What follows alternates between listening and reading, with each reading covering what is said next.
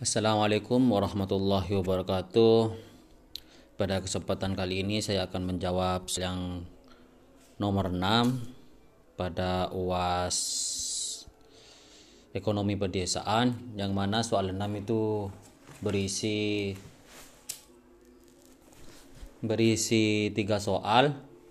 Yang pertama yakni dari mana sumber-sumber pendapatan desa? Jelaskan masing-masing sumber desa, sumber pendapatannya.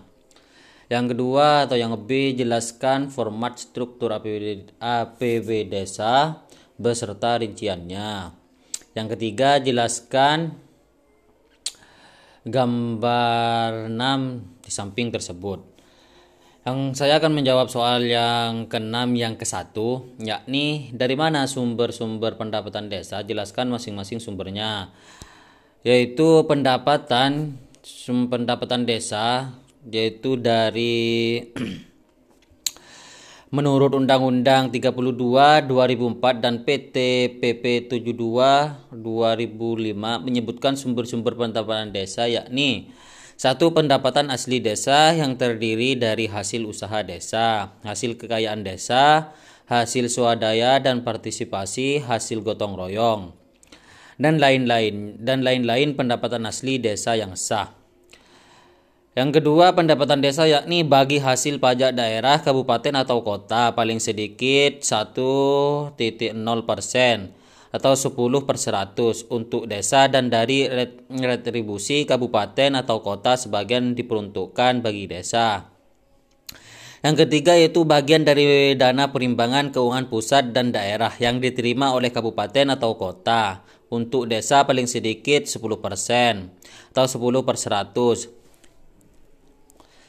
yang pembagiannya untuk setiap desa rencana proporsional yang merupakan alokasi dana desa. Yang keempat, bantuan keuangan dari pemerintah, pemerintah provinsi, dan pemerintah kabupaten atau kota dalam rangka pelaksanaan urusan pemerintahan.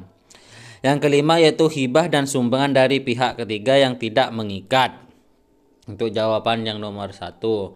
Yang B, jelaskan format struktur APBD desa.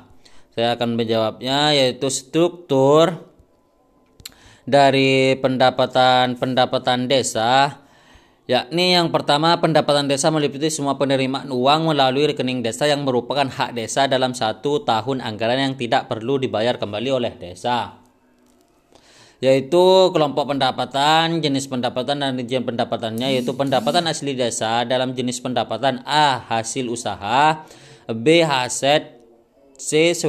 Swadaya partisipasi gotong royong dan D. Lain-lain pendapatan asli desa rinciannya yakni dari hasil hasil usaha, aset, swadaya, partisipasi, gotong royong, dan lain-lain pendapatan asli desa, yakni rinciannya dari hasil bumdes tanah kas desa, tambatan perahu atau pasar desa, tempat pemandian umum jaringan irigasi, membangun dengan kekuatan sendiri yang melibatkan peran serta masyarakat berupa tenaga barang yang dinilai dengan uang hasil pungutan desa. Yaitu dalam pendapatan desa dari hasil transfer yaitu dari transfer dari dana desa bagian da, bagian dari hasil pajak daerah kabupaten kota dan retribusi daerah. Alokasi dana desa bantuan keuangan dari APBD di provinsi dan juga bantuan keuangan APB APB APBD kabupaten kota. Pendapatan lainnya yaitu dari hasil hibah dan sumbangan dari pihak ketiga yang tidak mengikat. B lain-lain pendapatan desa yang sah. Rinciannya dari pendapatan lain yaitu pemberian berupa uang dari pihak ketiga, hasil kerjasama dengan pihak ketiga atau bantuan perusahaan yang beralokasi di desa. Strukturnya itu terdiri dari ada tiga aslinya. Mohon maaf tadi tidak disebut. Yang di depan yaitu dari strukturnya itu pendapatan desa. Yang kedua itu dari belanja desa. Yang ketiga dari pembiayaan desa. Sedangkan dari belanjaan desa, yakni berupa desa meliputi semua pengeluaran dari rekening desa yang merupakan kewajiban desa dalam satu tahun. Anggaran yang tidak akan diperoleh pembayarannya kembali oleh desa. Belanja desa dipergunakan dalam rangka memadai penyelenggaraan atau kewenangan desa. Kelompok belanja yaitu penyelenggaraan pemerintah desa, jenis kegiatan dan sesuai RKP desa, yakni dalam kegiatan pembayaran, penghasilan tetap dan tunjangan, B kegiatan operasional kantor. Jenis belanja dan rincian belanja yaitu belanja pegawai yaitu yang pertama pembayaran penghasilan tetap, Kepala desa atau satu orang perangkat desa, kaur atau kasih kadus dan lain-lainnya mm, minimal 11 orang. Yang kedua pembayaran tunjangan yakni kepala desa, perangkat desa, kaur, kasih, kadus, PBD minimal 5 orang. Yang ketiga yaitu insentif RT dan RW minimal 5 RW atau 25 RT. Ya, lagi belanja barang dan dasa dan dasa yang berisi dari ATK, listrik, air, telepon atau fotokopi dan pengandaan benda pos. Dan selanjutnya belanja modal yang berisi dari komputer, mesin, TIK dan meja, kursi, lemari. Yang C atau dari struktur format APBD desa yakni pembiayaan desa. Pembiayaan desa. Pembiayaan desa meliputi semua penerimaan yang perlu dibayar kembali dan atau pengeluaran yang akan diterima kembali, baik pada tahun anggaran yang bersangkutan maupun pada tahun-tahun anggaran berikut. Penerimaan biaya yang berisi dari dalam di dalamnya yang A sisa lebih perhitungan anggaran silpa tahunan sebelumnya, B pencairan dana cadangan, C hasil penjualan kekayaan desa yang dipisahkan, Rinciannya dari yang ketiga tersebut yaitu pelampauan penerimaan pendapatan terhadap belanja, penghematan belanja, sisa dana dan mm, kegiatan kelanjutan. Pengeluaran pembiayaan yang pertama pembentukan dana cadangan, yang B penyertaan modal desa. Yang rinciannya kegiatan yang penyediaan dananya tidak dapat sekaligus atau sepenuhnya dibebankan dalam satu tahunan anggaran. Mungkin seperti itu struktur dari APBD desa dan serta rinciannya. Dan soal yang ketiga yaitu jelaskan gambar 6 di samping.